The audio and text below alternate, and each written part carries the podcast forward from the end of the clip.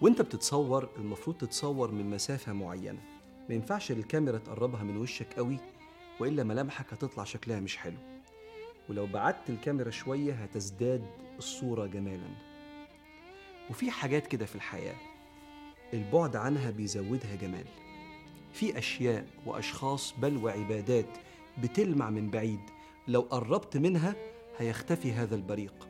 ومن حكمة ربنا سبحانه وتعالى العليم الخبير أن تظل هذه الأشياء والأشخاص بل والعبادات بعيدة عنك رغم طلبك للقرب عشان تفضل جميلة. وهنا يتجلى اسم الله المقدم المؤخر اللي بجميل لطفه سبحانه وتعالى وحكمة تدبيره يقدم إليك أشياء ويؤخر عنك أشياء لتحقيق مصلحتك وتوصيلك لسعادتك وعلى العبد القبول والرضا. على مستوى العلاقات الاجتماعية في ناس بتجيد إدارة العلاقات السطحية. إحنا أصحاب من بعيد لبعيد. ابتسامته جميلة بيسلم بطريقة لطيفة على قد خروجة ساعة. لكن ما يقدرش يوفيك حقك لو كان شريك الحياة أو صاحبك المقرب. هتزعل منه قوي. خليه بعيد أحسن. هو ظريف وابن نكتة لكنه مش جدع وقت الزنقة. فما ينفعش يبقى أنتيمك ولا ينفع يبقى جوزك. هي جميلة وشيك لكنها لا تتحمل المسؤولية وبتفشي الأسرار. فما ينفعش تبقى أنتمتك. ولا تنفع تبقى مراتك. فلو اتمنيت القرب ولم يشأ الله عز وجل يبقى أحسن. يمكن لو قربته تتصدم والبعد يزيد هذه العلاقة جمالا. بل هناك عبادات عظيمة هي عظيمة في صدرك لكن لم يأذن لك رب العالمين فيها إلى الآن.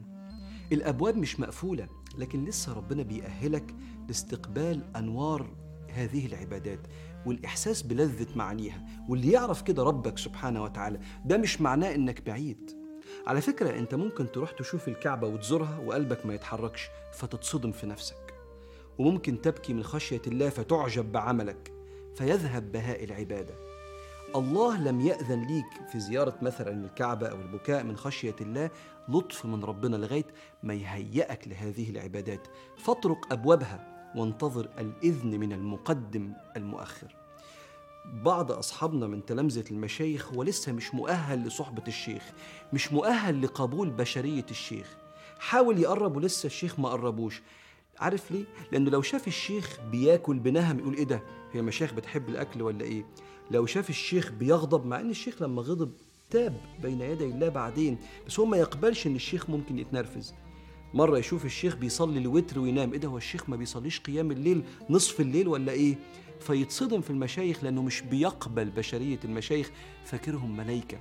فتلاقي ربنا بعده عن بعض المشايخ عشان يفضلوا كبار في عينيه والبعد يزيد صورة الشيخ قدامه جمالا. وهنا ربك يقول ولو بسط الله الرزق لعباده لبغوا في الأرض ولكن ينزل بقدر ما يشاء إنه بعباده خبير بصير.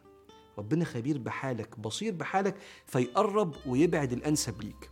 ويمكن البعد ده أنت كرهه فيرد عليك يقول لك فعسى أن تكرهوا شيئا ويجعل الله فيه خيرا كثيرا. فلو حبيت تقرب من شيء أو من شخص وربنا بعده عنك يبقى ارضى بهذا البعد. لأن البعد بيزيد بعض الأشياء جمالا.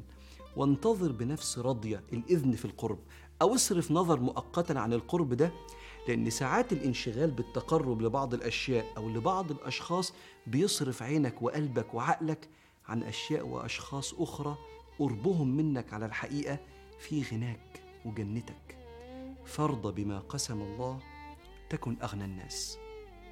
فاللهم يا قريب قربنا مما جعلته من نصيبنا. ولا تعلق قلوبنا بما لم تخلقه لنا وردنا في كل الأحوال بقضائك واختيارك.